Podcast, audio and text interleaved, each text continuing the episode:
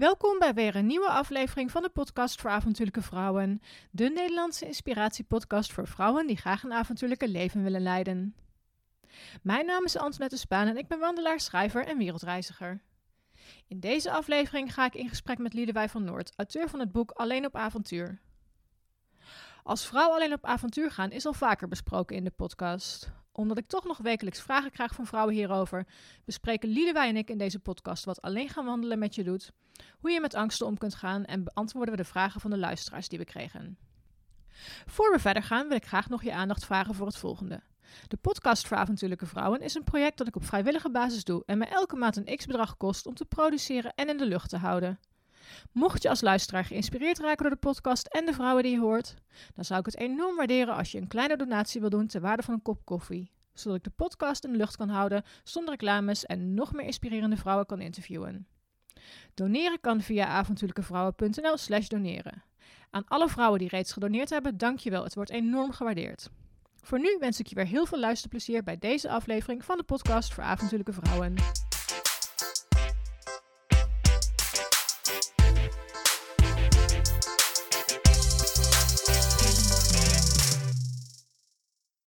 Liedewij, van harte welkom in Arnhem in de podcast voor avontuurlijke vrouwen. Superleuk dat jij uh, er bent. Um, voor de vrouwen die jou nog niet kennen, wie ben je en wat doe je? Ah, ik ben Liedewij van Noord. Um, ik ben 35 en ik schrijf. En dat doe ik al uh, sinds nou, acht jaar, denk ik nu, fulltime. Uh, ik schrijf als journalist. Ben begonnen eigenlijk als sportjournalist. Um, en ik schrijf sinds een aantal jaren ook boeken. En nu heb ik een boek geschreven over alleen wandelen. En dat heet Alleen op avontuur. En daarom ben ik hier.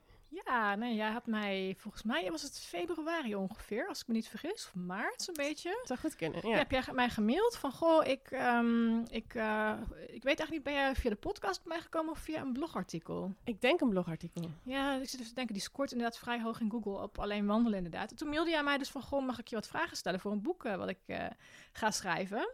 En toen heb ik een keer gebeld, en toen heb ik mijn verhaal gedaan. En uh, nou, een paar maanden later lag het, uh, lag het boek bij mij in de brievenbus.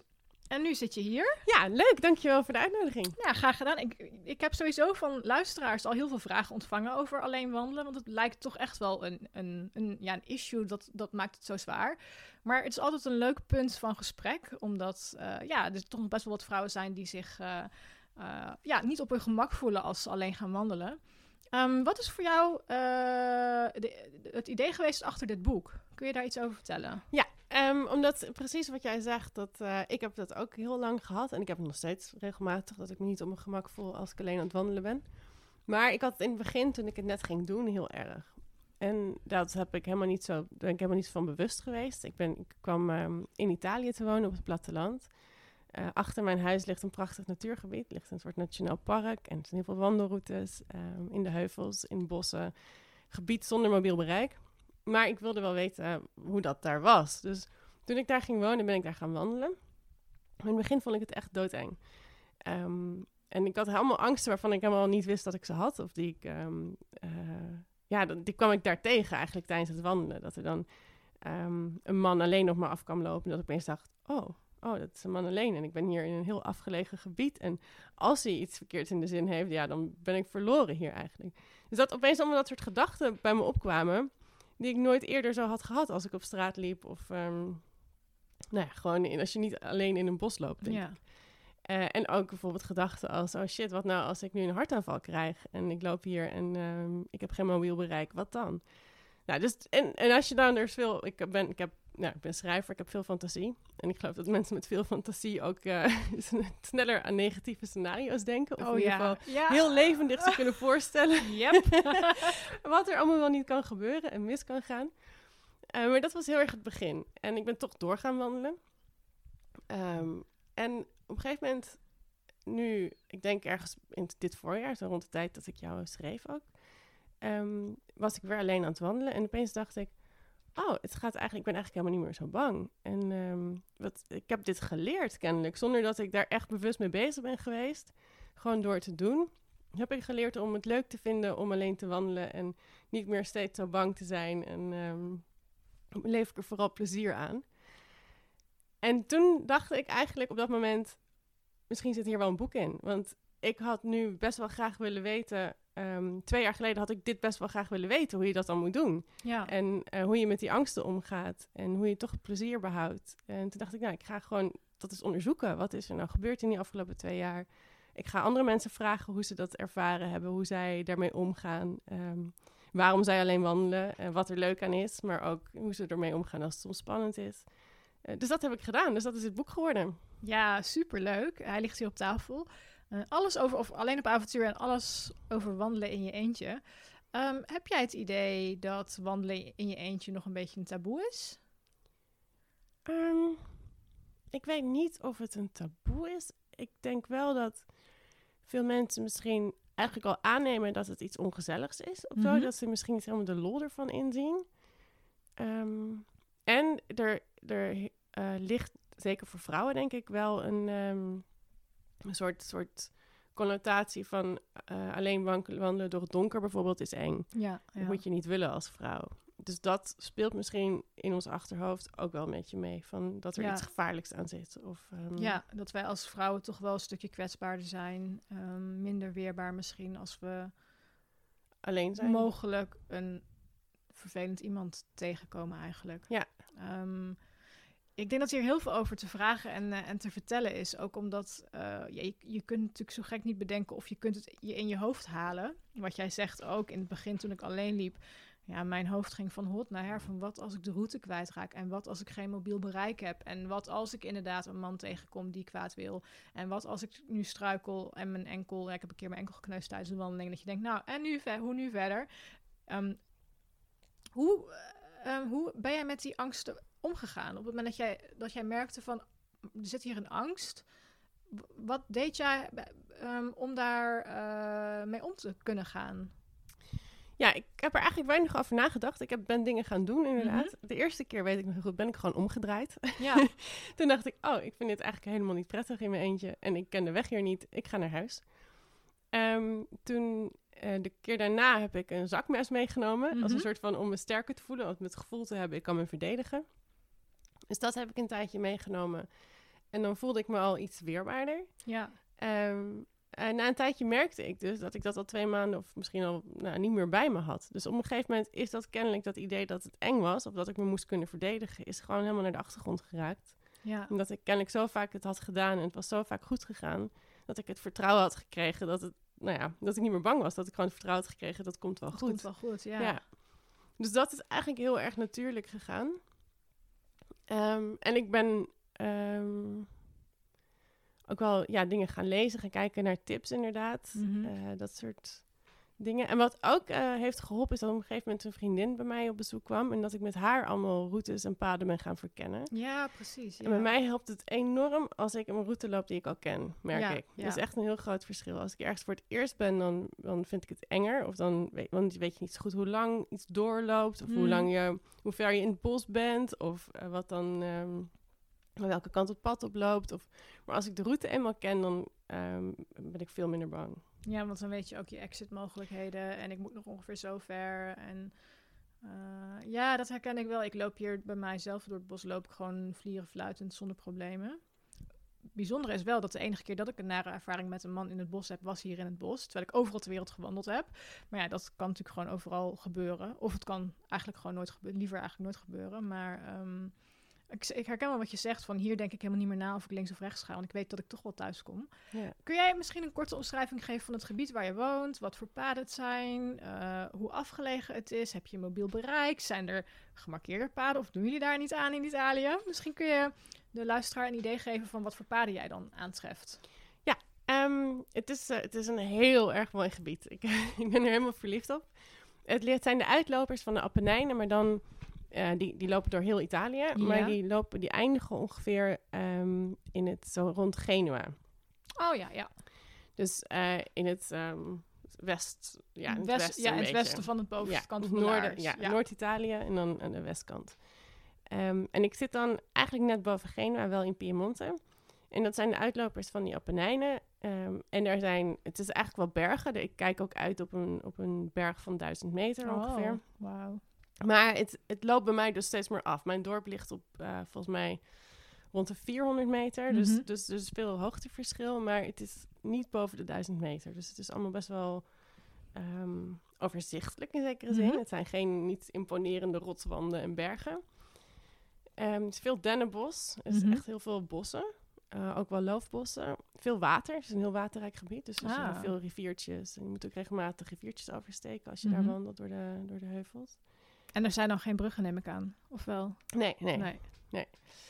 Ehm, het, dit is heel mooi. Het is heel veel ja, rotachtige, die heuvels. Het is best wel wild ehm, in die zin dat er weinig mensen wonen. Eh, er zijn wel wat oude boerderijen, die zijn soms verlaten, maar soms wonen daar nog mensen echt zonder stromend water en eh, zonder gas. Oh, wauw.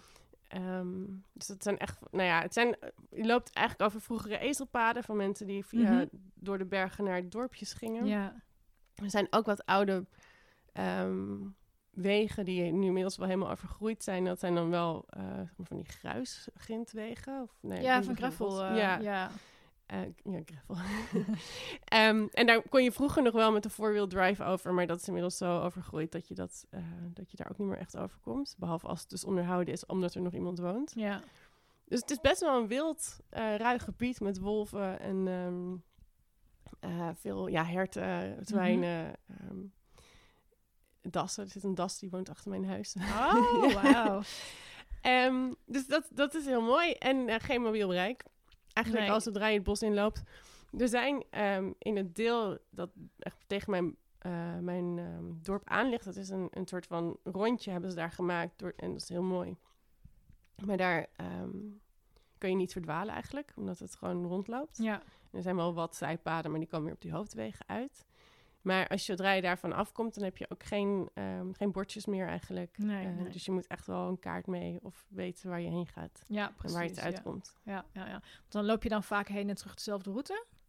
Ik loop regelmatig een, een rondje van anderhalf uur, wat ik heel Mhm. fijn vind. En dat heel mooi is. Ehm, en waar ik gewoon vanuit mijn voordeur kan stappen. En inderdaad, dat is zo'n, dat zal je ook hebben, zo'n waanzinnige luxe. Dat je gewoon Ja. niet ergens heen hoeft om te gaan wandelen. Maar dat je gewoon de deur uitstapt en gelijk eigenlijk binnen 10 minuten in een prachtig gebied zit. Ja, Of het dorp uit bent. luxe positie. Vooral Ja. in deze tijden ook. Ja. Ja. Ehm, en eh, dus dat, ja, dat rondje loop ik gewoon regelmatig. En als ik een hele dag heb, dan ga ik wel andere routes nemen. En dan eh, loop ik ook wel altijd rond. Of ik loop naar een vriendin toe die, ehm, die woont ongeveer twee uur verderop. Mhm. En dan kan ik soms wat omwegen nemen, dan is het vier uur verderop. Oh ja, ja, ja, ja. Ehm, ik neem ook wel eens mijn tentje mee dan slaap ik bij haar in de tuin. Oh, wat leuk, wat leuk. Of het is niet in de tuin, zij woont midden in het bos aan een riviertje. Dus het is Oh. een enorm terrein waar zij, eh, waar zij woont. Dus daar, Ja. dat doe ik wel eens, dat ik dan twee dagen een nachtje bij haar slaap. En, Heerlijk, ja. En ehm, loop jij dan eh, met een wandelkaart? Is er een wandelkaart of een topografische kaart van het gebied? Ja, dat is er. Zeker ook omdat het grenst aan een groot park, een regionaal park. Mhm. En daar is gewoon een hele mooie kaart van. Ah, kijk, dus, Dus- je, dus je kunt wel eh, gewoon op je kaart kijken van nou, ik ben hier en ik ga die ronde maken. Dus dan zou het me ongeveer zoveel moeten kosten. Ja, precies. En dan weet ik ongeveer waar ik uitkom. En, ja, eh, precies. niet ja. alle paden zijn, kloppen even goed weer op die kaart. Want nou ja, het wordt niet allemaal evenveel gebruikt. Maar Nee, precies, ja. ik, kan, eh, ik, heb, ik ben wel blij dat ik hem heb, ja. Ja, je bent inmiddels wel een beetje bekend met dit klopt wel, dit klopt niet. En, eh, Ja, Ja. precies. En ik weet ook, en dat is natuurlijk het fijne aan bergen, dat je altijd waanzinnige goede referentiepunten hebt. ja, ja, dus de ja. hoogste berg, die van 1000 meter, staat ook zo'n kerkje bovenop. Dus het is echt niet te missen. Dus Nee, ik weet altijd ja, zeg maar, aan welke kant die berg op staat. Ja. Ja. Kun je kaart lezen? Heb je dat, eh, is dat iets wat jij eh, al geleerd hebt van vroeger uit? Of heb je dat zelf aangeleerd toen je daar was? Ehm, Nou, is echt zo'n eh, geografische kaart, dat heb ik wel Mhm. moeten leren. Dat, Ja. ja. dat was... ehm, eh, heb ik ook met dank aan, aan dingen, tips, misschien zelfs wel van jou op internet. Maar Oh, zou ook kunnen. echt Ja, gewoon ja. gegoogeld inderdaad. Van ehm, oké, waar moet ik op letten? Ja. Wat is belangrijk? Ik had ook een heel oud handboek van mijn vader mm, over wandelen. Ook heel grappig. Ehm, dat was nog voor de tijd van de GPS en zo. Dus Ja. het stond ook heel goed in hoe je zo'n kaart moest lezen. Dus ja, op zich kaart lezen zoals wegenkaarten, dat, dat weet ik nog wel van. Want ik ben nog wel opgegroeid voor, eh, de GPS. Ja, ja, voor, ja. Voor GPS en voor ehm, mobiele telefoons. Eh, maar zo'n zo'n geografische kaart lezen, dat was echt wel... eh, Een nieuwe uitdaging. ja. En eh, vind je het makkelijk inmiddels kaart lezen? Denk je van, oh, met die kaart, die geeft mij voldoende zekerheid? Mm, nou, niet altijd. Want ik heb ehm, tijdje geleden, dat was in september, in de Dolomieten gewandeld. Met- Mhm. het was wel met een vriendin, dus het was niet alleen. Hadden we ook een kaart bij ons. En op een gegeven moment zijn we verdwaald. En toen heb ik dus geprobeerd met die kaart, ehm, aan de hand van die kaart te bepalen waar we waren. Ja, Maar toen merkte ik wel dat ik toch echt wel een beetje aan het twijfelen was. Dat ik niet helemaal zeker wist. Dus ja. Ehm, ja, er zit nog wel... verbetering. Ja, Nou, ik moet ook zeggen, ik heb het ook niet altijd goed hoor. Dat ik denk van, volgens mij zitten we hier. Of dan, dan nou ja, dan, zo- kan ik wel eens tegen mijn, tegen mijn vriend praten. Van dan, dan zijn we ergens, eh, volgens mij zitten we hier. Nee, volgens mij zitten we daar. En dan, ja, eh, allebei niet goed opgelet, want wij lopen niet met GPS. Is echt een principe ding, dat we niet eh, met mobieltjes of, of elektronica lopen. Maar dat kan dan wel eens net ervoor zorgen op het moment dat je niet goed eh, opgelet hebt. Dat je een paardje gemist hebt. Of gewoon heel even, vooral in het bos, je oriëntatie kwijt bent. En, ehm, ja, dat hadden wij toen ook inderdaad. ja, ja. ja, terwijl de Dolomieten volgens mij best wel goed gemarkeerd Ja. toeristisch zijn, toch? Ik weet ook nog steeds niet precies wat er is gebeurd. What we, went wrong? we hebben een soort van paadje genomen om ergens door te steken. En ehm het was een heel smal paadje al. Ehm, en waarschijnlijk... Ik weet ook nog dat ik op een gegeven moment tegen haar zei... Oh, dit lijkt echt wel zo'n dierenpaadje. oh, zo'n veepaadje, ja. Ik denk dat we gewoon niet helemaal hebben in de gaten hebben gehouden of we nog wel markeringen zagen. En op een gegeven Oh, moment, ja. toen, op het moment dat we dachten, oh, eh, we hebben eigenlijk al een tijdje geen markeringen meer gezien, was de weg terug echt niet meer te vinden. Ja, dat gaat, dat gaat toch, als je met een vriendin loopt, gaat het toch best wel makkelijk? nou, Ja, inderdaad. Ik, zei ook tegen haar, want zij zei ook van ja, als je nou alleen was geweest, wat had je dan gedaan? Want we hebben toen een soort plan gemaakt van wat gaan we doen. Want, ja, ja. En eh, toen zei ik, nou, waarschijnlijk was de kans dat ik dan ook de markeringen was kwijtgeraakt, is veel kleiner. Want dan had ik echt veel beter opgelet. Ja, je bent veel alerter, dat klopt. Ja. Ja. ik heb een paar keer een wandelreis voor onze blogs gedaan met Brechtje van Wandelvrouw. En dan lopen we zo te kakelen en dan lopen we gewoon de markeringen voorbij. En dan hebben we, nou, hebben we echt wel eens een keer na één of twee kilometer zoiets van... Hebben we nog markeringen gezien? Nee, eigenlijk al een tijdje niet meer. Jij? Nee, ook al niet meer. En dan blijken we gewoon al een kilometer lang van de route af te zijn. Omdat je gewoon zo lekker aan het kletsen bent. Ja. En, en op een of andere manier, als je met iemand anders loopt, geeft het ook vertrouwen van... Nou, als ik niet alleen ben, dan hebben we in ieder geval elkaar nog mochten we kwijtraken of mochten we verdwalen. Ehm, dat is dan altijd wel een extra, voor mij een extra... beetje ja, nonchalant. ja, ik wou zeggen motivatie, maar je wordt er wel wat nonchalanter van, omdat je toch vaak aan het kletsen bent en zo. En ehm, heb jij een heb jij GPS? Nee, Ook niet? Nee. Jee. Medestanders. Heb je daar een bepaalde reden voor? Nee, eigenlijk niet. Ehm, misschien ook omdat ik... Ik denk als ik zeg maar in, echt in mijn eentje dagenlange trektochten zou maken in de bergen... dan zou ik dat wel mee willen nemen. Ja. Maar omdat het redelijk overzichtelijk is, normaal waar Mhm. ik wandel... ehm, heb ik ook nog nooit echt die behoefte daaraan Nee. nee, gehad.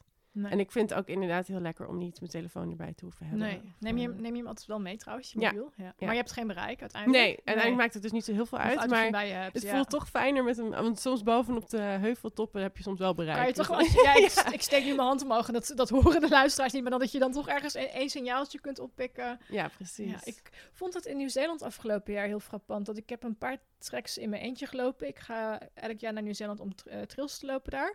En ehm, tegenwoordig staat er bij Department of Conservation ook op welke delen van de trek je mobiel bereik hebt. Of een, een streepje kunt oppikken.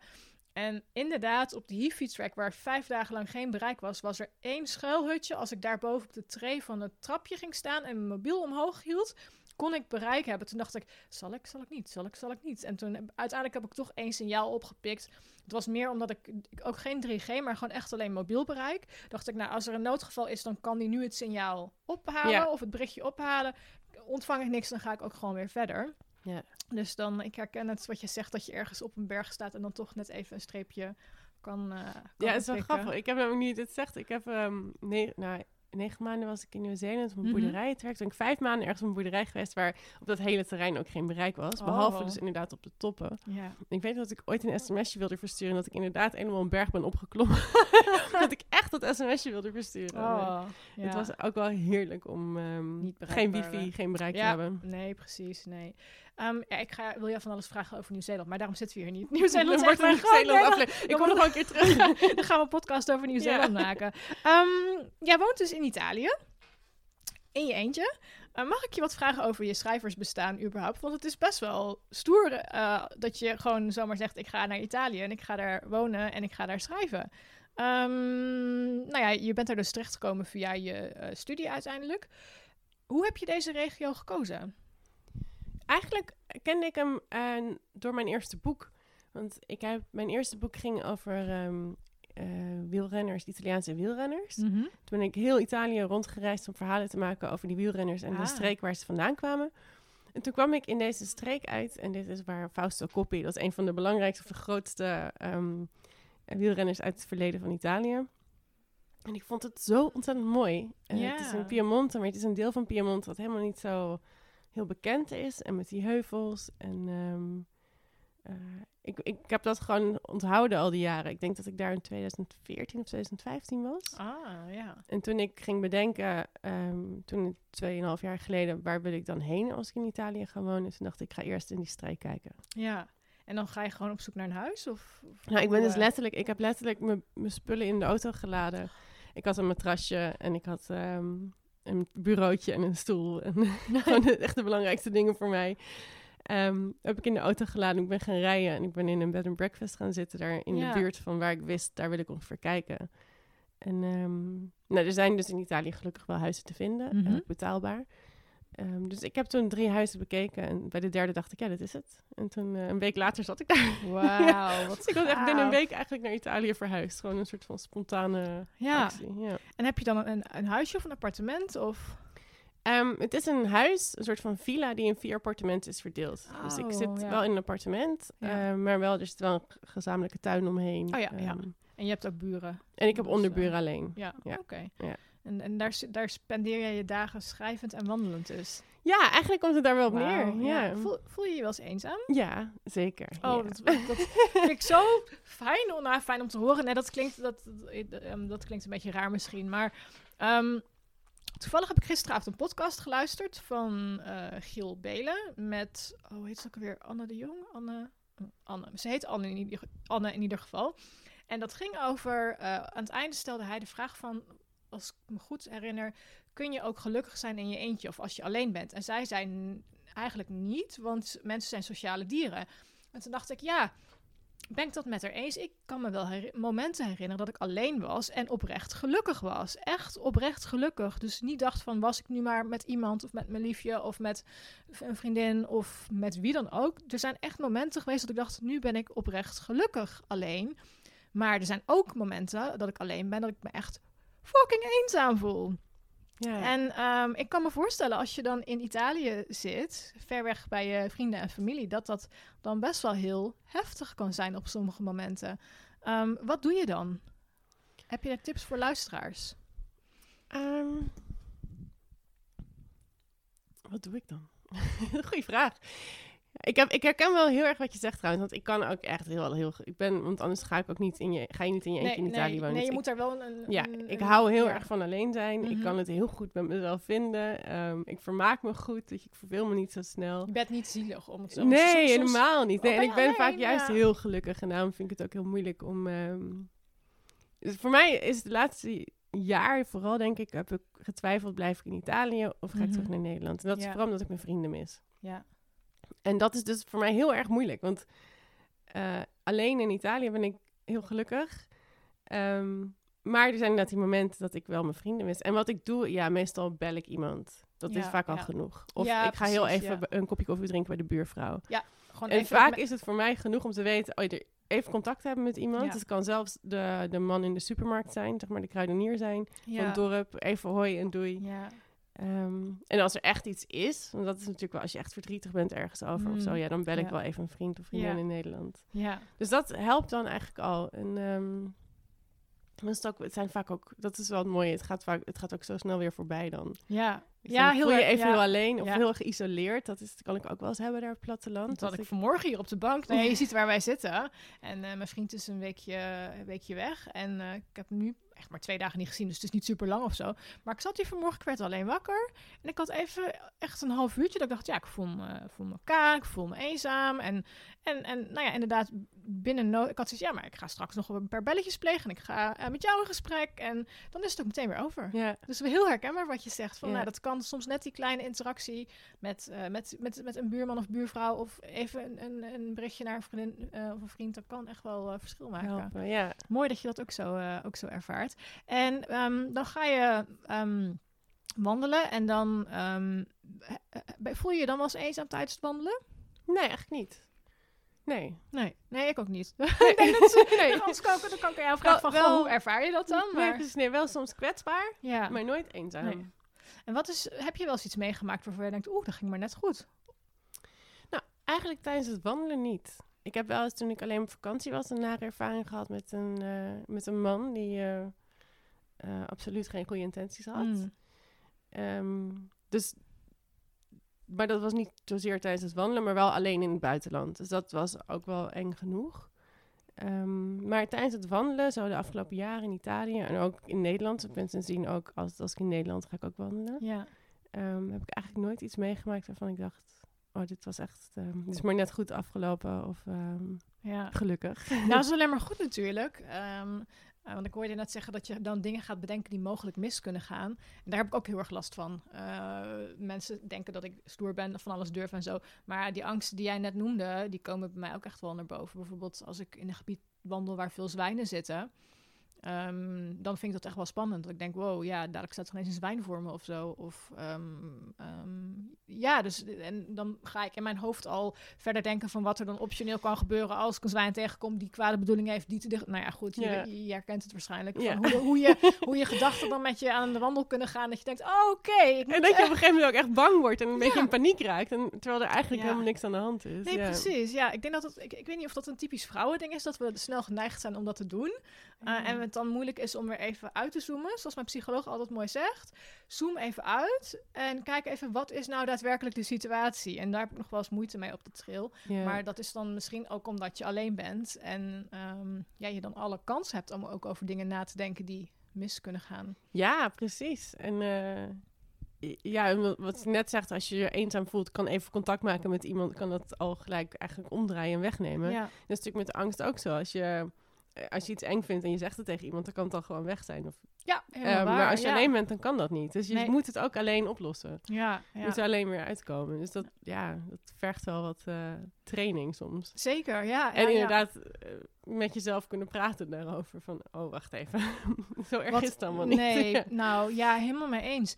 Ehm je hebt in het boek ook een aantal keer uh, Ron van Voorst aangehaald, eh, geciteerd. En eh, zij is ook bij mij in de podcast geweest. Ik zal voor de luisteraars de podcast hieronder ook linken, zodat je hem kunt terugvinden. Mocht je hem niet gehoord hebben, super interessant als je eh, angsten hebt, op welk gebied dan ook. Ehm, en wat zij mij ook heeft geleerd, eh, ik had net daarvoor de nare ervaring met een man hier in het bos gehad. En wat zij tegen mij zei ook, ik geloof dat zij het was, correct me if I'm wrong, maar dat het eigenlijk helemaal niet eerlijk is dat ik nu potentieel elke man die er aankomt als moordenaar of, of eh sekspsychopaat zie. Want dat is helemaal niet het geval. Ja. Ik heb net een keer een gekkie getroffen. En daar probeer ik altijd over na te denken. Ja, die man die er nu in zijn eentje aankomt. Ja, dit is waarschijnlijk ook gewoon een vriend, vader, partner, man. eh, weet ik veel wat. G- gewoon een normaal iemand die ook alleen wandelt. Ja. En dat heeft me wel enorm geholpen van... Wie ben ik om elke man die naar mij toe gewandeld komt... of die eh, eh, in opposite direction komt... om die als een potentiële moordenaar te zien.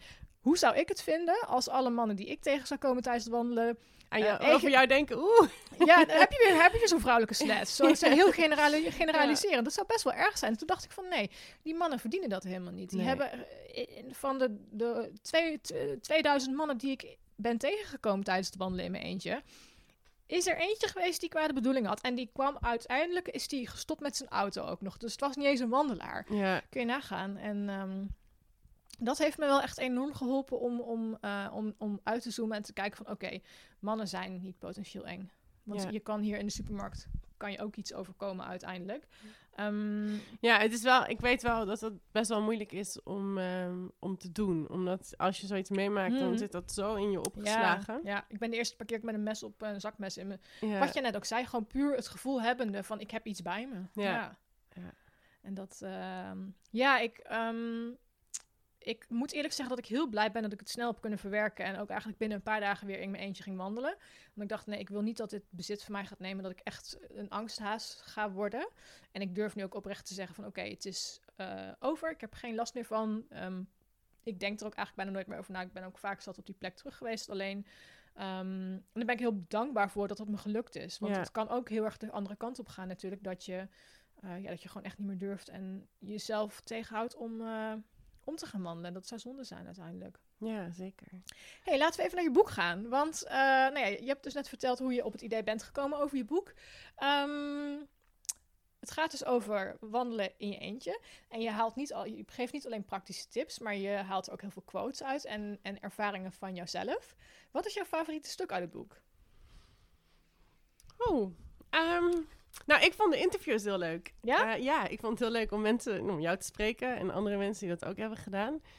Um, ik vond, ja, ik vond het heel interessant om te horen. En ik vond het heel mooi dat eigenlijk iedereen wel zei dat ze door het alleen wandelen meer zelfvertrouwen hadden gekregen. Mhm. En dat heb ik zelf ook heel erg, uh, heel erg ervaren. Want nou, je komt al die dingen tegen, of ze nou in je hoofd gebeuren of in het echt um, gebeuren. Maar op de een of andere manier ga je dus wel door en blijf je wandelen. En wat jij nu net ook heel mooi beschrijft. Um, je laat je niet door die angst weerhouden van, van weerhouden om te gaan wandelen. Je gaat het weer doen.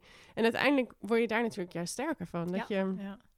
Uh, dat, dat weer gewoon in de ogen kijkt en zegt: Oké, het is gebeurd. Ehm, maar ik laat me niet, weet je, gelijk weer op paard stappen. Dat is eigenlijk hetzelfde. Ja, ehm, ik vind het heel leuk om te doen en dit is een verrijking van mijn leven. Dus ik blijf het doen. Ja, oh, dat vind ik zo mooi dat je dat zegt ja. inderdaad. Dat je, wat zou gewoon zonde zijn als, er, als je door je angsten je laat weerhouden van de dingen die inderdaad je leven verrijken en mooier. En wandelen is daar zeker een, uh, een van. Uh, ja. ja, voor mij ook. Ja, wat, wat doet wandelen voor jou? Nou, ik, werk, ik werk dus ik werk thuis in mijn eentje. en um, ik schrijf en ik kan soms urenlang op een dag schrijven. En me helemaal in zo'n boek verliezen. Dus ik ben echt wel wat dat betreft de prototype schrijver die met je zo, uh, nou ja, net op het randje van, uh, van gek misschien. uh, zo, zo, eenzaam in een andere wereld aan bezig is. En voor mij is wandelen, als ik dan naar buiten ga en weer gewoon de wereld zie, dat haalt me gewoon helemaal uit die uh, die modus. Dus ik kan mezelf dan meer van een afstandje bekijken. Ik, ik word weer blij van dingen die ik buiten zie. Um, ik merk dat ik minder um, of vrijer kan denken, creatiever kan denken. Dat dingen die eerst nog heel moeilijk leken, soms opeens helemaal niet meer zo moeilijk zijn. Um, ik, vind, ik krijg, haal er ook echt inspiratie uit. Uh, het is ook een ontspannen voor mij, mentaal ontspannen. Dus mm -hmm. even niet ook omdat mijn, mijn gedachten, ik heb het idee dat mijn gedachten altijd op een best wel prettige manier kabbelen als ik aan het wandelen ben. Ja, Ze nemen me niet over of zo. Nee, dus dat, dat, is ook heel fijn. Dus dat is ook voor mij een soort van ontspannen. Wat ik minder heb als ik thuis op de bank zit, dan kan ik wel zo echt zo in mezelf in het denken verliezen of zo. Mm. Maar dat is buiten eigenlijk nooit zo. Uh, en fysiek vind ik het ook, ja, zeker in die heuvels, uh, ja, heel fijn. Ja, het is een goede workout inderdaad. ja. Ja, lekker dat je de heuvels in kan. Dat mis ik hier wel stiekem. Ja, we hebben hier wel echt zo'n klein heuveltje van twee meter hoog. Maar nou ja, dat, dat, doet ook niet heel veel voor je conditie. Uh, dat mis ik soms wel als je dan in de bergen gaat wandelen en trektocht maakt met je rugzak. En dan heb je... dan ga ik naar Nieuw-Zeeland of Nepal of de Alpen. En dan denk ik, nou, ik heb wel redelijk getraind in de sportschool. En dan stap ik die berg op en denk ik echt, oh, kuiten. Ja. dus dat, dat mis ik soms wel aan de andere kant. Uh, het is hier ook fantastisch. En uh, ik ben al, überhaupt al super blij dat ik überhaupt zo het bos in kan lopen van, uh, van waar we nu zijn. Um, in het boek heb jij um, niet alleen mij geïnterviewd, maar ook uh, Shanna en Wanda, die eerder in de podcast zijn geweest. Ook Wanda ook over alleen wandelen, de allereerste podcast ooit. En Shanna ook over je voettocht voorbereiding. Ron van Voorstad wel even, maar je had ook een aantal hele mooie schrijvers aan. Um, onder andere uh, Cheryl Strait natuurlijk. En, uh, oh, heet ze ook alweer, die ik net noemde. Rebecca Solnit over ja. Wanderlust. Ja. Heb jij een favoriet wandelboek? Of waar heb jij ergens een, een, boek waar je echt heel veel inspiratie uit hebt gehaald? Al voor je dit überhaupt ging schrijven? Uh, ik denk dat ik ze ben gaan lezen omdat ik dit gaan, ging schrijven. Dat doe ik mm -hmm. eigenlijk altijd. Als ik, met een, als ik een idee heb, dan ga ik eerst lezen wat er al over is. Ook om te kijken of er nog andere ideeën zijn. Of om ja, uh, ja. Nou ja, je blik wat te verbreden nog. Mm -hmm. um, ik vond uh, Wild echt geweldig. Ik vond het zo'n goed boek. Ook gewoon goed geschreven. En um, daar had ik wel heel veel bewondering voor. Dat het... Uh, sommige boeken zijn... Het is natuurlijk een heel goed verhaal. Hmm, maar dit boek leunt niet alleen maar op het verhaal... maar het is ook nog gewoon heel goed geschreven. Dus dat vond ik wel... Het heeft wel indruk gemaakt. Um, ook hoe mooi en precies zij dingen beschrijft die gebeuren met ja. haar. En in de manier waarop zij naar zichzelf kijkt terwijl ze wandelt. Uh, dus dat vond ik heel gaaf. Sonnet had ik al eerder een keer gelezen ook trouwens. Ah, voor, ja. mijn, voor een eerder boek. Die heb ik herlezen. En ja, dat is ook ehm, heel mooi en inspirerend. Want zij heeft het heel erg ook over de culturele kracht van wandelen. Over Mm. dat ehm, protestmarsen ook eigenlijk altijd wandelend ja. ehm, worden gehouden. Ehm, over de, ja, de kracht van, van zo'n massa mensen te voet. En dat heb ik altijd, als ik dat zie. Ik krijg eigenlijk altijd tranen in mijn ogen als ik ehm, eh, mensen zie protesteren voor, nee, of ja, ehm, voor dingen die ik, waar ik het mee eens ben natuurlijk. Want anders heeft het een ander effect. Maar ehm, zoals, ja, dat, dat is heel mooi aan haar boek. Zij, zij belicht wandelen ook op heel verschillende manieren. Dus ook het fysieke deel erbij. Eh, hoe het ook me- mentaal was, er, dat er met je ehm, eh, mentaal iets anders gebeurt als je een bekend rondje ehm, bewandelt dan wanneer je een nieuwe route wandelt bijvoorbeeld. Mhm. Ja. Ehm, dus dat, ja, is, er zitten heel veel kanten aan het boek. Het belicht Ja. echt heel veel verschillende ehm, kanten. Ook de historie van het wandelen, van het menselijk lichaam met wandelen. Van eh, hoe wij tegenwoordig in binnenruimtes leven. Ja. Ja. Ook hoe, hoe goed wandelen is voor sociale veiligheid. Mhm. Dat in steden waar niemand wandelt en iedereen met de auto gaat, het heel onveilig is om te wandelen. Terwijl in steden waar heel veel mensen wandelen, het juist wel heel veilig Ja, is om te ja. wandelen. Nou, dat soort heel, ja, heel interessant boek als je echt mijn wandelen in de breedste zin van het woord houdt. Dus veel minder. eh Wild is natuurlijk echt een, een persoonlijke ervaring. En Ja. dit is echt veel meer een algemene nou ja, beschouwing, veel essays. Ja. ja, ik krijg acuut zin om ze allebei weer te gaan lezen. Het, eh, ehm, in dit huis heb ik helaas geen plek voor een boekkast, maar eh, ik heb een nieuwtje. Ik ga per 1 januari verhuizen naar het huisje hier tegenover. En eh, daar krijg ik eh, vijf hele mooie, gave boekenplanken die er al hangen van acaciahout. En daar ga ik mijn boeken uitstallen. Die liggen nu in de stalling bij mijn broertje en bij vriendin Marieke, die je in de allereerste podcast hoort. Die hoor je echt op in een andere podcast ook terugkomen, Marieke weer. Dat is wel grappig. Maar goed, ik heb ook al gezegd, joh, ik kom in januari mijn boeken ophalen. Want ik had echt stapels met boeken, echt vijf billies vol. Daar heb ik echt twee van overgehouden toen, ik, eh, toen mijn relatie voorbij ging. En die twee heb ik sowieso allebei bewaard. Die weet ik, die liggen ergens in de opslag. En ik heb een Kobo Plus abonnement, maar ik heb zoiets, nee, die boeken ga ik opnieuw in boekvorm lezen. Want sommige boeken moeten gewoon in boekvorm gelezen worden en niet op een, eh, op een e-reader. En ik krijg er echt acuut zin in eh, om ze weer te gaan lezen. En vooral Wild ook, want ik heb de film, heb je de film gezien? Nee. Eh, ja, over de film is best wel, zijn best wel veel haters ook. Van ja, het is allemaal getraumatiseerd en, en, en voor Hollywoods. En ik moet zeggen, ik heb kaarten te janken bij de film. Maar dat is meer ook omdat ik dat deel van Amerika ook echt gewoon geweldig vind. De beelden prachtig vind. Maar ook eh, omdat ik gewoon haar pijn en haar ja, ervaringen begrijp. Ehm, en, eh, maar ik had het boek echt al ruim gelezen, voor, gelezen ruim voordat de film uitkwam. Dus dat is misschien ook anders in, eh, in, je, in, je, in je hoofd dan. Waar wilde ik ook alweer naartoe? Ik ben het even kwijt. Je nieuwe huisje met de boekenplank. Oh ja, ja. gaat Nou ja, neerzetten. goed. En ik, ik kijk dus vooral naar Wild uit, omdat ik gewoon heel benieuwd ben. Dat boek heb ik denk ik tien jaar geleden gelezen. Ehm, toen vond ik hem al geweldig en zou ik hem nu nog steeds geweldig vinden. Ik denk het eigenlijk wel. Ehm, maar ja, ik eh, ja, kijk er wel weer naar uit om hem eh, om weer te gaan lezen. Heb jij ehm, alleen van Tim Forst gelezen? Nee. Staat daar in de kast beneden toevallig. nee, hij heeft de, ehm, ook de Pacific Crest Trail gelezen, eh, gelopen. En ehm, hij omschrijft dat ook eh, vanuit zijn visie. Dus het is echt een eh, vanuit mannenvisie geschreven, maar ook wel herkenbaar op sommige opzichten van ja, dingen die je dan ook weer een beetje kunt koppelen tussen de twee boeken. Ehm, dus die kan ik je ook wel aanraden. En ehm, leuk vanuit een Nederlander natuurlijk ook. Ja, grappig, leuk. Heb jij, even daarop inhakend, heb jij zelf het idee van, oh, ik wil ooit zo'n trail lopen of ik wil ooit eh, zo'n meerdaags av- avontuur gaan doen? Ehm, Jawel, zeker wel. Ik weet niet of ik... Zo'n trail vind ik wel heftig hoor, met dat wild, wild kamperen en Mhm. zoveel eten mee. En ik ben ik nog niet helemaal aan toe. Misschien ooit, maar het is niet dat ik dat eh, per se een keer gedaan wil hebben. Maar ik wil wel, het lijkt me wel heel gaaf om eh, een langere, lange afstandswandeling, dat is een beetje dubbel op, een lange afstandswandeling te doen. Ja. Ehm, en dan misschien met overnachtingen in eh, B&B's. of, ja, ehm, precies. Gewoon lekker comfortabel beginnen. En er is ook helemaal niks mis mee. Wij hebben voor afgelopen week, week hebben wij, mijn vriend en ik, over de Veluwe gelopen, drie dagen.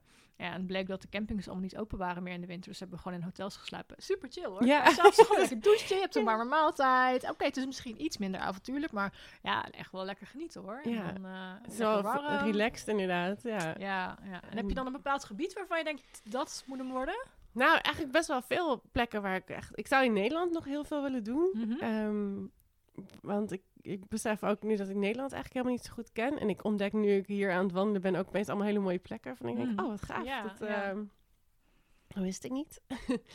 Ehm, in, ook in Italië heb ik nog... eh, ik heb, ben twee jaar geleden denk ik... heb ik die wandeling gedaan langs de kust in de Cinque Terre. Mm. En dat is zo waanzinnig mooi daar. Eh, dus je gaat dan echt langs die, die rotskust van Ligurië. En met al, die, al die schattige dorpjes aan zee. En ik heb daar toen, volgens mij ben ik langs drie dorpjes geweest, maar het zijn er vijf. En die zou ik nog wel eens helemaal willen lopen. Oh, ja. Ehm, Dat zijn toch die dorpjes die aan de kust liggen met al die kleuren? Ah, die gekleurde huisjes, ja. precies. Ja, daar loopt dus echt een waanzinnig mooie wandelpad langs. En dat is in de zomer super druk. Mhm. Ehm, maar in het voorjaar, als je wel een beetje geluk hebt en het is mooi weer, dan is dat Oh, fantastisch. Want dan zijn er gewoon minder mensen. Ik hou ook eh, erg van bergen, dus ik zou ook in de Alpen gewoon nog wel meer willen zingen. Ja. En, eh, dus nee, Er is kan- genoeg. ja, er is eh, genoeg niet inderdaad. op. Ja. Nee. Ehm, ik had wat vragen verzameld van luisteraars. Want Ja. ik, eh, even een introductie. Ik zal ook even mijn telefoon erbij pakken, want daar staan de vragen in. Ehm, ik was twee weken geleden alleen op zaterdag aan het wandelen. En normaal ga ik altijd door de week om een beetje de drukte te vermijden. En omdat ik dacht van nou, dan, ehm, dan heb ik niet allemaal... Ik, ik maak vlogs over mijn wandelingen. Dan heb ik niet allemaal andere mensen erin. Maar het kwam zo uit dat ik op zaterdag ging. En het was gewoon, ik kwam gewoon geen andere vrouwen tegen. Niet in een eentje, niet in groepjes. Dus ik had op Instagram een oproepje gedaan van, goh vrouwen, waar waren jullie? En toen kreeg ik van een aantal da- eh, dames een reactie van, ja, ik, ik durf niet zo goed in mijn eentje. Of ik vind het spannend. Of ehm, ja, ik, ik kijk zie er toch tegenop. En ik heb wat vragen verzameld, naar aanleiding daarvan. eh, van vrouwen die het spannend vinden om eh, alleen te gaan avonturieren, alleen op pad te gaan. in de hoop dat wij ze konden beantwoorden. Dus ik ga ze erbij pakken. Even kijken. Ehm, en ik denk, denk misschien is het leuk dat we allebei onze, onze visie eh, op eh, de vraag of de kwestie eh, geven. Ehm, Hester vraagt: Hebben jullie ook altijd een stok mee? Ik ben wel eens aangevallen door een hond. Ehm, ja, ik ben niet bang voor honden. Dus ik ben er ook totaal niet mee bezig eigenlijk. Ehm, ik, ik heb wel eens in de bergen, als ik aan het lopen ben, dat ik een stok opraap ergens, een mooie Mhm. tak. Want ik vind het wel heel prettig dan om een, eh, om een stok te hebben. Maar ik heb dus ook geen... Dat is misschien nog wel op mijn verlanglijstje ooit. Professionele wandelstok. Professionele mooie wandelstokken. Ja, ja. Ehm, maar zo'n tak werkt ook prima, ouderwets. Ehm, dus ik ben er eigenlijk eerlijk gezegd niet zo heel erg mee bezig. Ehm, ik kan me wel voorstellen dat het fijn is als je daar wel bang voor bent om een stok bij je te hebben. Ja, Als je ja. daardoor wat zekerder voelt, Mhm. dan kan je dat natuurlijk doen. Ja, nee, helemaal mee eens. Ik loop zelf eigenlijk. Ik liep altijd met wandelstokken. Tegenwoordig wat minder, omdat ik merkte dat ik er heel afhankelijk van werd. Vooral in de bergen. Dat ik gewoon met afdalingen dacht van gewoon volledig leunen op die stok. Ik dacht, ja, mijn lichaam moet het ook gewoon prima aankunnen.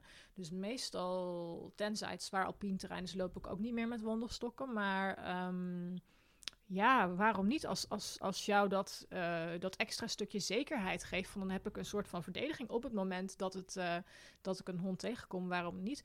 Ehm, even daarop inhakend, kom je wel eens ander wild tegen of andere beesten? Ehm, wel onschuldige beesten. Ik ehm, eh, zie regelmatig herten.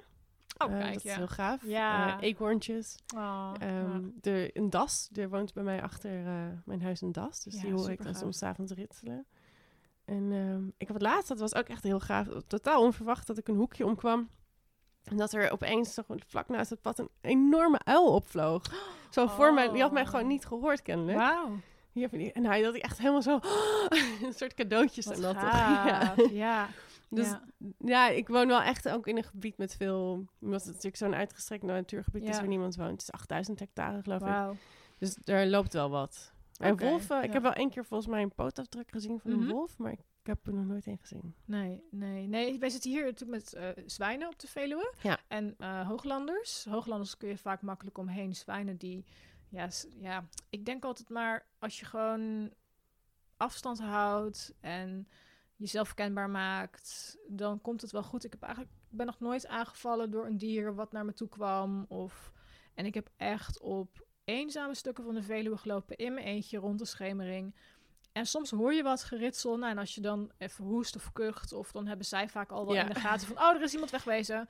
Ehm, dus, maar eh, Hester, als jij, ik denk als jij je prettig erbij voelt dat je een stok moet wilt meenemen, omdat je dan eh prettig voelt, gewoon lekker doen. En Ja. je hebt ook tegenwoordig van die makkelijk opvouwbare stokken. Ehm, alhoewel ik dan wel denk van ja, als er een hond aankomt, dan als je hem dan nog moet pakken, je eigenlijk al te laat. Ehm, aan de andere kant denk ik ook, ja, honden moeten volgens mij ook gewoon aangelijnd lopen op veel plekken. Ehm, ja, weet ik echt niet hoe dat in het buitenland zit. Ehm, Ja, Zijn ze daar zo streng? Ik heb eigenlijk geen idee. bij mij niet. Maar er zijn ook Nee, maar- zoveel honden. Nou, ik denk dat, Nederland ook wel de, de kroon spant wat honden betreft. eh, Ja. Als ik een beetje omheen kijk. eh. Maar er zijn natuurlijk ook genoeg plekken in Nederland waar je eigenlijk verplicht bent om je hond aan te lijnen. ja, ja. Hier in het bos ook trouwens. Ja. Ehm, grote delen van de Veluwe inderdaad. Meer ja. een uitzondering dat je je hond mag laten loslopen. Ja. Dan, eh, ja. Dus je zou ook zo'n plek kunnen opzoeken. ja, precies. Waar je gewoon zeker weet dat je... Ja, je weet natuurlijk nooit 100% zeker. Dat hangt van het baasje af. Maar Ja. als jij gaat wandelen op een plek waar honden aangelijnd moeten... of gewoon zelfs niet toegestaan zijn... zoals het Wekeromse Zand hier in de buurt bij Ede. Daar, eh, dat is een afgeschermd natuurgebied waar eh moeflons, een kudde moeflons eh, leeft. Ja, daar mogen sowieso geen honden komen. Dus dan weet je van tevoren af... van hoef ik me geen zorgen over eh, te maken. Daarop inhakend had ik nog een andere vraag van eh, Charlotte. Ehm, en ze zegt, ik, eh, ik vind het spannend, de onzekerheid of je wel of niet een loslopende hond tegenkomt.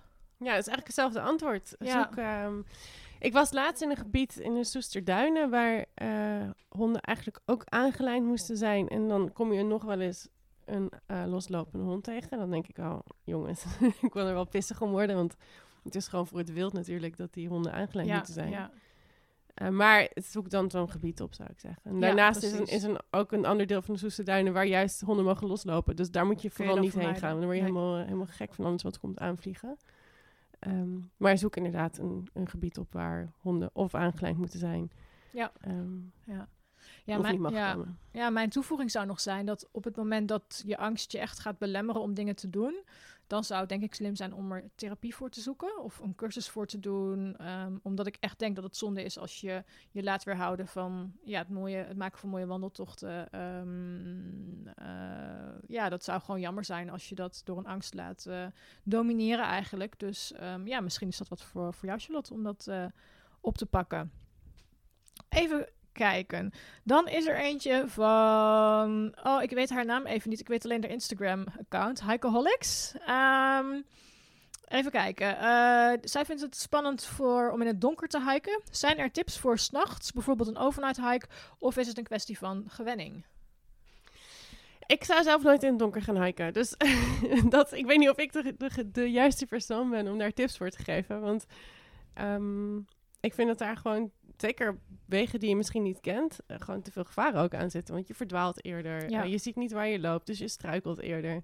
Eh, tenzij het echt inderdaad voor jou een enorm levensdoel is om zo'n overnight hike te doen. Ja.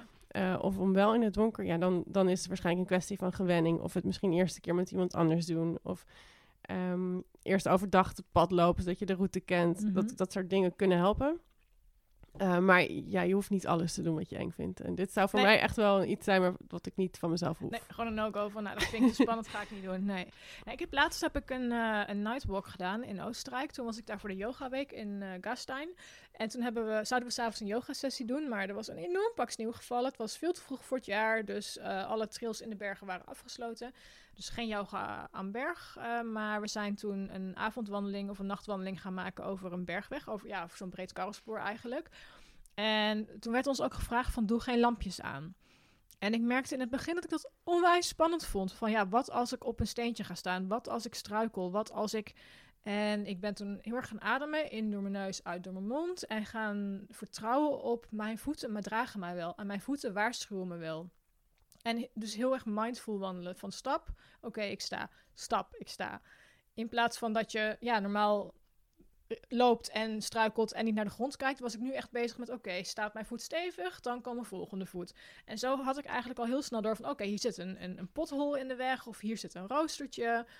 Het is een kwestie van wennen, maar ook het vertrouwen hebben dat je lichaam jou wel draagt en signalen geeft. Ehm, alhoewel, dit was een vrij makkelijk pad en we liepen met een groepje mensen, maar we waren wel verspreid. Dus ik wist, er loopt vijf meter voor mij iemand en vijf meter achter mij loopt iemand. En soms liep er iemand vlakbij me. Je hebt natuurlijk het licht van de maan eh, en van de sterren, die ook wel best wel fel kunnen zijn en je kunnen helpen. Ehm, maar ik zou zeggen, als je het wel wilt proberen, vertrouw erop dat je voeten je wel dragen. En neem een hoofdlampje mee. Als je echt een bergpad gaat, eh, gaat lopen, Ja. dat kan echt enorm helpen. Ja. Zo, het is wel grappig nu. Het zegt, wat ook altijd wel verrassend is, is hoezeer je ogen wennen aan het donker. Hoeveel wij eigenlijk zien in het donker. Ik heb een keer in, ehm, was in de, in de Amazone-regenwoud in Colombia ook zo'n nachtwandeling gemaakt met een gids. Ehm, ook geen lampjes om de dieren niet te laten schrikken. Maar hij wist dan ongeveer waar ze zaten. En dan liet hij dan zo'n dier. eh, Oh. of een hele grote spin of zo. Zat er dan opeens zo aan zo'n boom.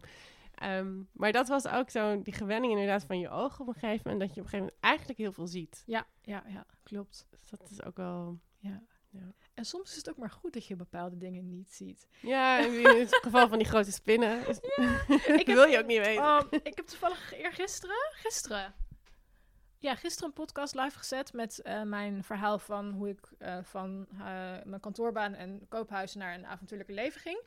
En daar heb ik ook eh, geschreven hoe ik de Mount Rinjani heb beklommen in Indonesië. En ik denk dat het maar goed was dat ik de heenweg niet heb kunnen zien langs welke afgrond ik heb gelopen. echt. Toen ik naar beneden ging, dacht ik echt, heb ik hier gelopen? Oh my god, oh my god. Maar goed dat ik niet wist dat ik zo dicht langs de afgrond liep in het donker. Dus misschien is het af en toe ook maar gewoon goed dat je, dat je het niet weet. Ehm, even kijken. De volgende vraag. Even zien. Ehm, ik heb eigenlijk twee vragen over wild kamperen. Ik zal ze even gecombineerd eh, stellen of, of even allebei opnoemen. Iris vraagt, ik kan of zegt, ik kan twijfelen aan een goede plek om je tent neer te zetten bij het wild kamperen. En Wendy zegt, alleen wild kamperen vind ik akelig. Hoe denk jij over wild kamperen? Wat is jouw ervaring daarmee? Nou, ik heb het eigenlijk eh, vrij weinig gedaan. Ook omdat het nou in Nederland niet mag. Eh, ook in Italië, dat gebied waar ik zit, mag het alleen boven de 1000 meter. We hebben dus Ah. maar één berg boven de 1000 meter. dus nou ja, dan moet je precies daarheen lopen. Dus ehm, eh, ik, ik kampeer dan wel bij die vriendin op haar terrein in het bos. En ik weet dan ook, want ik word dan s'nachts ook wakker... omdat er dan, dan zwijnen door de, daar Mm. langs lopen en zo. En, ehm, maar ik weet, ben natuurlijk gewoon wel in de buurt van haar huis. Dus ik weet waar ik ben. ehm, en waar ik heen kan gaan. Ik, ik heb het dus, ik heb er eigenlijk niet zoveel ervaring mee. En ehm, ik heb ook niet heel erg, vond niet heel erg de drang om dat te gaan doen. Het lijkt me ergens vind ik het wel romantisch. Het idee dat je mm, je tentje ergens op zit, opzet en dat je dan s ochtends zo helemaal alleen ergens wakker wordt. Ehm, dat lijkt me fantastisch. Ja. Dus dat, ik wil het nog wel een keer gaan doen. Maar ja, het hoeft, het hoeft ook niet. Ehm, als je het echt heel eng vindt, dan, eh, dan zou, ik, zou ik het gewoon niet... Of probeer het eerst eens inderdaad bij iemand in de tuin, zoals ik heb gedaan. Of met iemand samen. Ehm, bouw het zo langzaam op dat je er denkt... Oké, maar zo is het niet zo eng meer. Dit kan ik wel. En ga dan steeds een stapje verder. Je hoeft natuurlijk niet meteen in je eentje ergens in een bos Nee. ehm, te gaan Nee. kamperen. Nee, ja, ik ben het eigenlijk volledig met je eens. Ik kampeer ook niet wild in Nederland, simpelweg omdat het niet is toegestaan. Want ik heb zoiets, ja, waarom zou ik iets gaan doen wat eh, illegaal is? Eh, ik kan het sowieso niet promoten ook of erover schrijven, want ik vind dat ik ook een voorbeeldfunctie heb. Ik kan bijvoorbeeld ook niet schrijven dat ik met 200 km per uur over de snelweg rijd, dus dat doe ik dan ook niet. Ehm, en ik moet eerlijk zeggen, ik snap, aan de ene kant snap ik de romantiek van het wild kamperen, aan de andere kant denk ik, ja, Nederland is er gewoon niet geschikt voor. Ehm, want we, hebben geen wildernis, niet echt geen echte wildernis meer. Het is allemaal veel te klein. En, ehm, dus doe het gewoon lekker op een plek waar het gedoogd wordt of toegestaan is. Zoals in Scandinavië of in Schotland, Nieuw-Zeeland. Sommige delen van, eh, van Amerika, Canada. Canada weet ik trouwens niet helemaal zeker hoor. Maar ik weet dat er nog een aantal andere landen zijn ter wereld waar je gewoon mag wild kamperen. En ik, ehm, nou wat jij zegt, begin gewoon klein. Ga gewoon kijken van, nou ja, misschien eerst een keer eh, op een plek waar iemand anders staat, in overleg bijvoorbeeld. Ik weet dat op de Pacific Crest Trail in Amerika, dat vertelde Jacoba, die ook in de podcast is geweest, dat ze eigenlijk nooit in de eentje gekampeerd heeft, dat ze altijd bij andere mensen stond. Ehm, in Nieuw-Zeeland op de trails, daar heb je vaak vaste plekken waar je kunt staan. Dan kom je ook wel mensen tegen. En in Scandinavië is het zo dat de locals zijn ook wel gewend aan wildkampeerders. Dus dat is al een heel ander idee dan dat, dat je hier door het bos loopt. Ik weet nog dat ik laatst liep ik hier door een wat onbekend bos, een paar kilometer verderop hier. Maandagochtend, er was niemand en ineens zag ik een wildkampeerder. En ik schrok er gewoon van, omdat ik hem niet verwacht had. Hij was ook echt ver weg in de bosjes. En toen dacht ik van, oh ja, een wildkampeerder. En ik had iets, nou weet je, laat lekker gaan.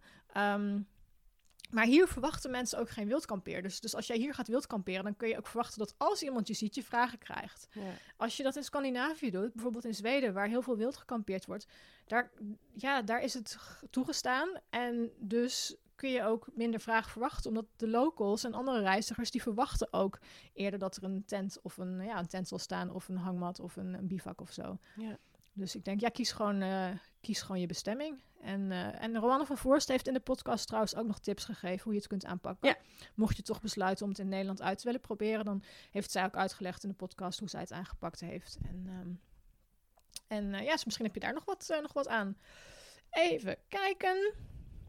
Mijn telefoon wil niet unlocken, dat zul je altijd zien. Ehm, oh ja, dit is ook een leuke. Daar hebben we het net al even kort over gehad. Maar misschien kunnen we er nog wat dieper op ingaan.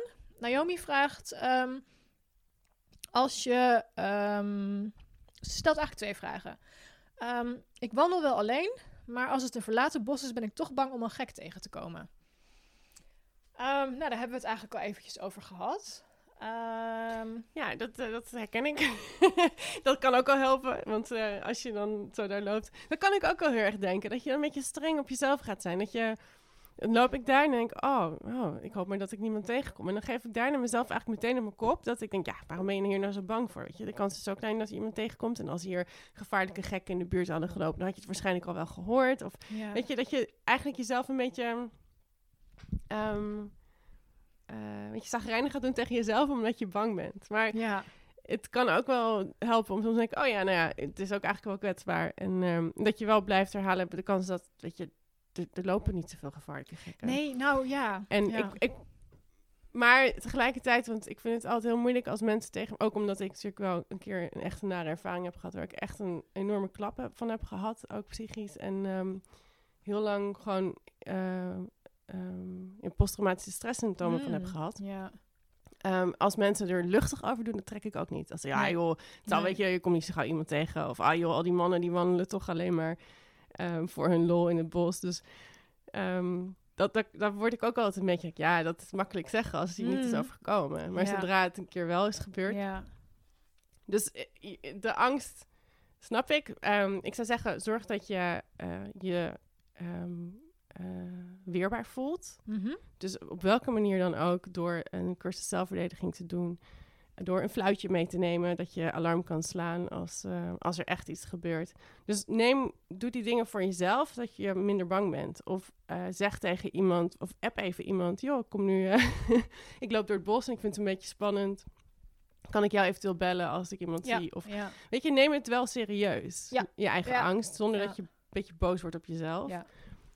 Maar je hoeft, ja, laat je er niet door tegenhouden. Nee. En laat je niet te veel je plezier erdoor eh, verpesten.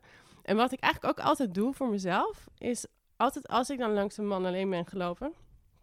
En die groet me, ge- groet, groet me gewoon vriendelijk. Dan zeg ik even tegen mezelf, zie je wel, gewoon weer een man die vriendelijk groet. Ja. ja. Dat je dat steeds blijft bevestigen. En dat je daardoor ook steeds meer vertrouwen krijgt in het feit dat de volgende dat ook zal doen. ja, ja. Dus dat, Ja, ik vind het zo goed dat je zegt van ja, aan de ene kant kun je het voor jezelf ook relativeren van ja, eh, hoe groot is de kans inderdaad dat ik een gekkie tegenkom.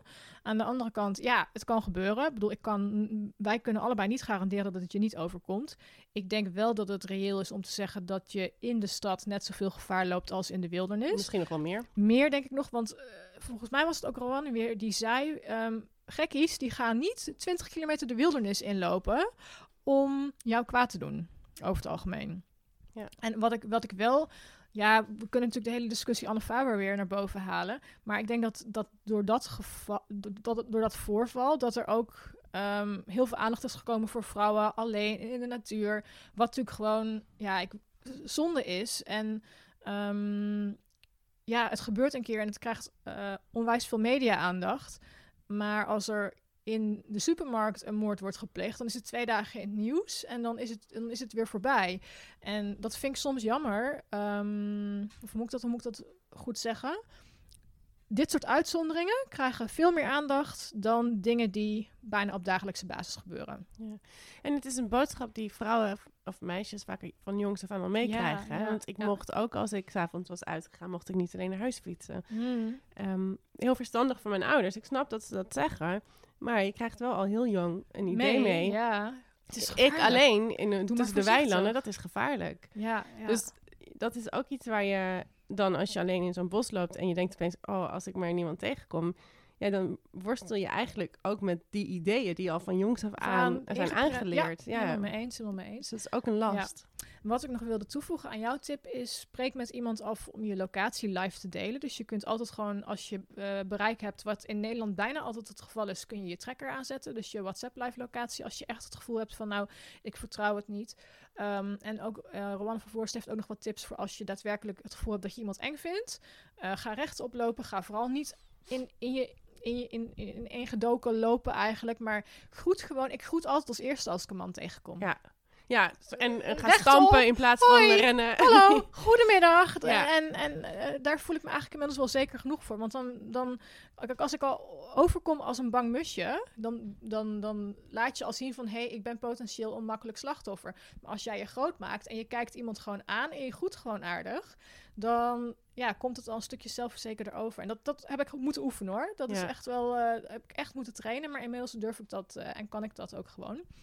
Ehm, en daarnaast, ehm, het is een kwestie van doen, oefenen, oefenen, oefenen.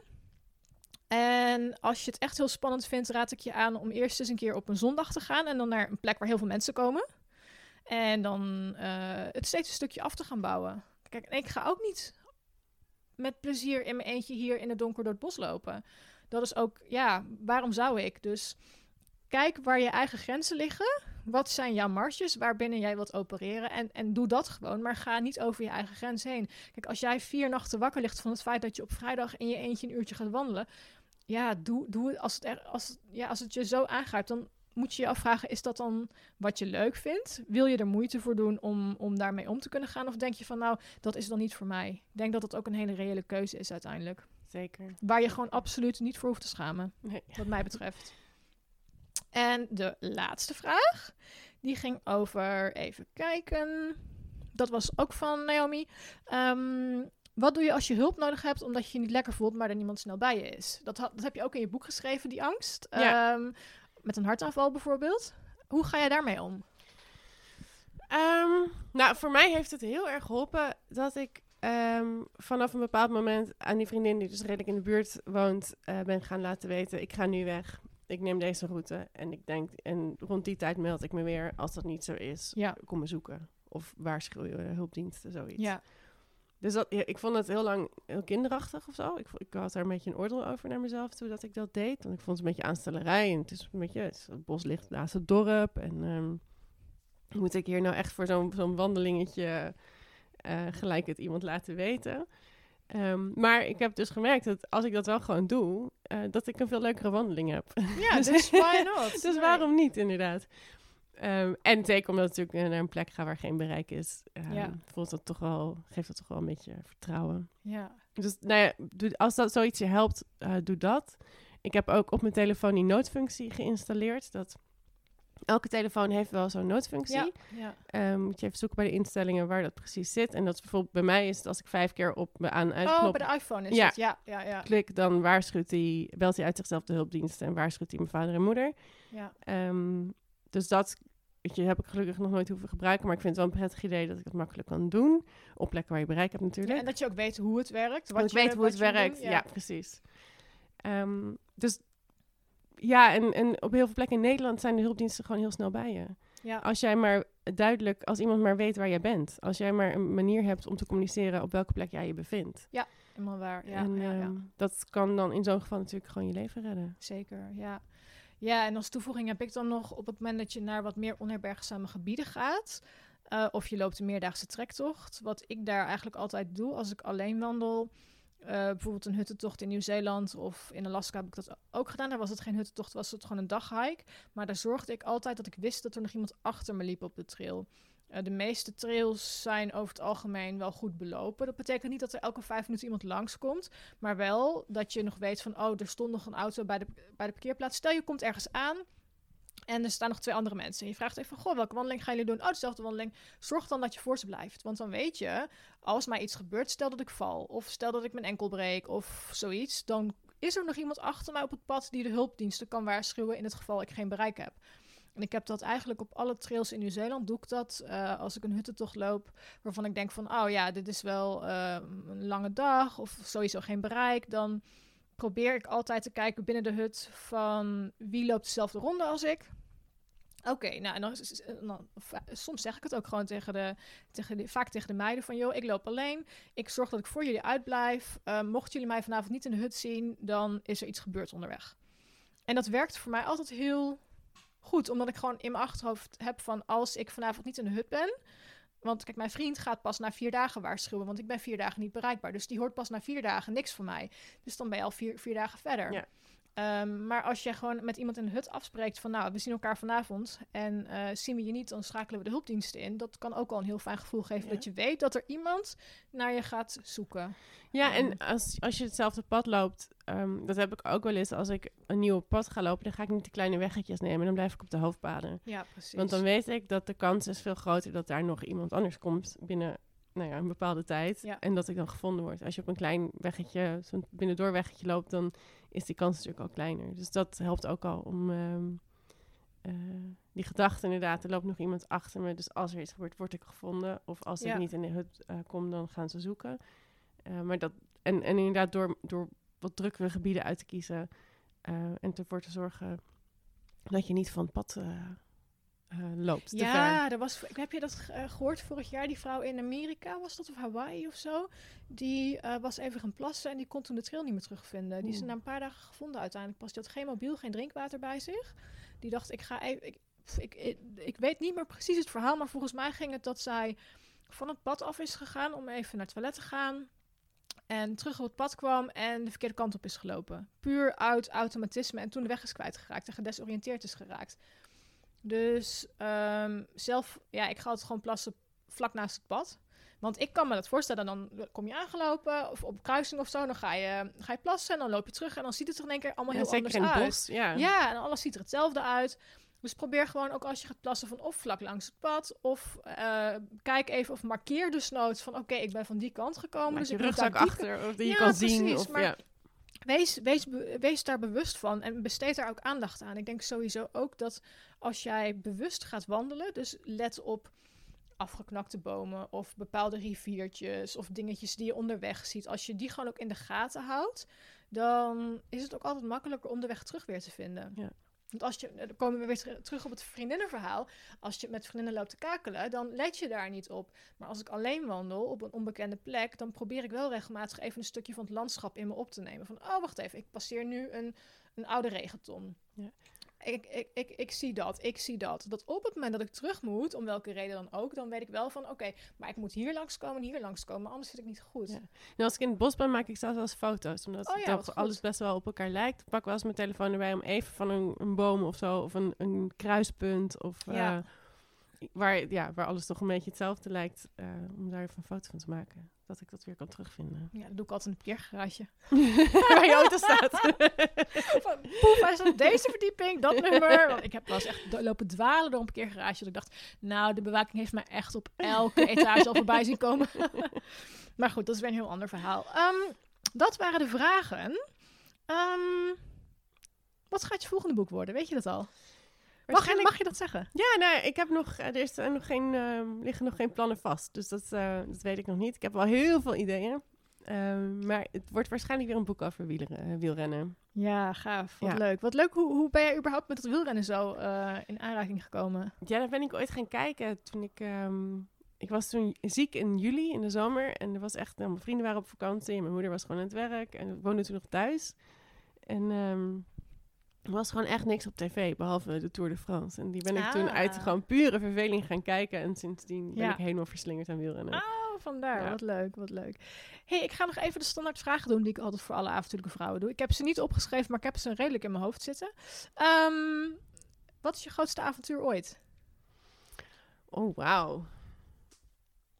Nou, ik denk dat dat, dat dat is geweest dat ik in 2013 in mijn eentje drie maanden naar Colombia ben gegaan. Hmm. En Colombia was toen eh, nog niet heel... ehm, het is nu wel redelijk toeristisch en veilig, maar dat was toen wel echt avontuurlijk. En, Ja. ehm, ik denk, ja, dat is wel echt mijn grootste overwinning op mezelf. En eh, mijn spannendste reis alleen geweest. Oké, en heb jij nog avonturen die je graag ooit zou willen beleven?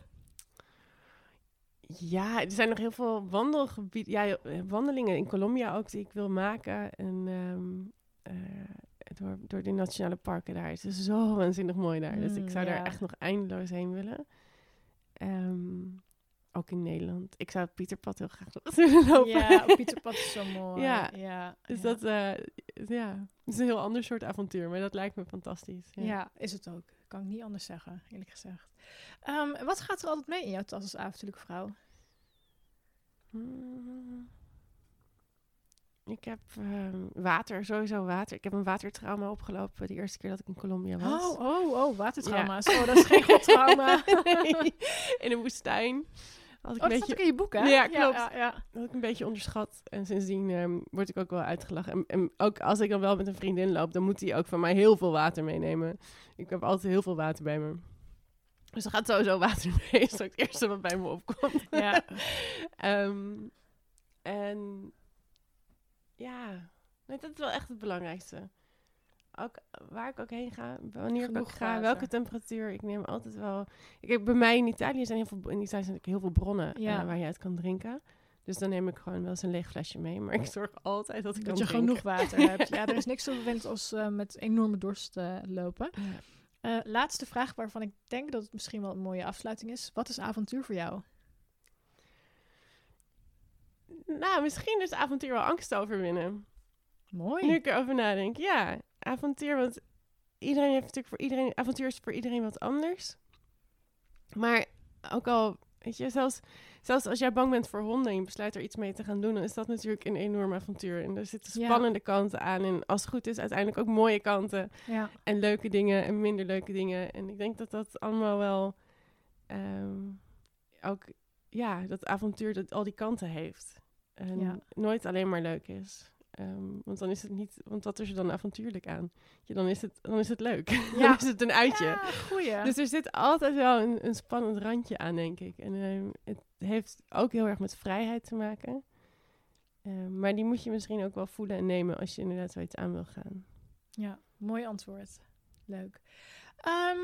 Zijn we nog iets vergeten? Is er nog iets wat je graag nog zou willen vertellen?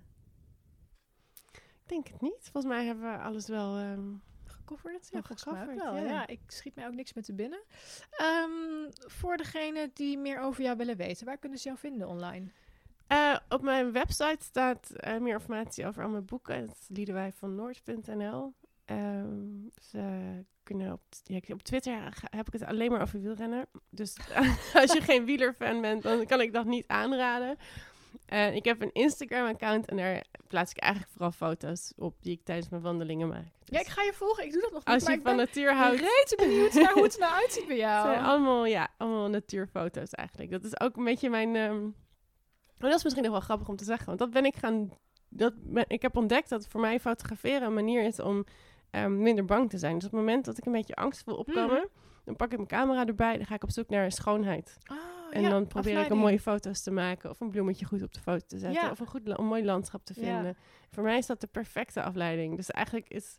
ehm, nou ja, mijn Instagram-account is een beetje het resultaat daarvan. Van, Oh, eh, van mijn afleiding. En eh, mijn, inmiddels heb ik echt heel veel ja, plezier gekregen in foto's maken. Leuk, dankjewel. Ehm ook bedankt voor je komst naar Arnhem. Ik vond het heel leuk om je te spreken. Ja, dankjewel voor de uitnodiging. Nou, graag gedaan. Ik wens jou heel veel eh, plezier eh, met je terugreis naar Italië. Het zal een beetje raar zijn nu natuurlijk, maar ik kan me ook voorstellen dat je het enorm mist op dit moment. Ja, kijk En, eruit, eh, daaruit om weer in de heuvels te lopen. Ja, snap ik. En eh, ik wens jou heel veel succes met al je mooie projecten voor de toekomst. Dankjewel. Jij ook? Ja, dankjewel. Hopelijk heb je genoten van deze podcast en hebben we je geïnspireerd om een avontuurlijke leven te leiden. Luister je deze podcast op iTunes, dan zou ik het tof vinden als je me 5 sterren waardering wilt geven. Wil je meer weten over mij of een van de gasten? Kijk dan op avontuurlijkevrouwen.nl en volg het Avontuurlijke Vrouwen-account op Instagram.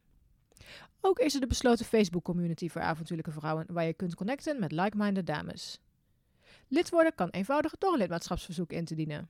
Voor nu bedankt voor het luisteren en graag weer tot de volgende keer.